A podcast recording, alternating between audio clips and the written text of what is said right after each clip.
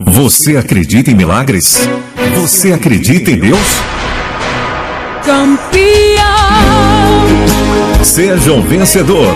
Escute a voz de Deus. Deus fará milagres em sua vida. A sua música. O melhor do louvor. Você ouve aqui. Davi, meu é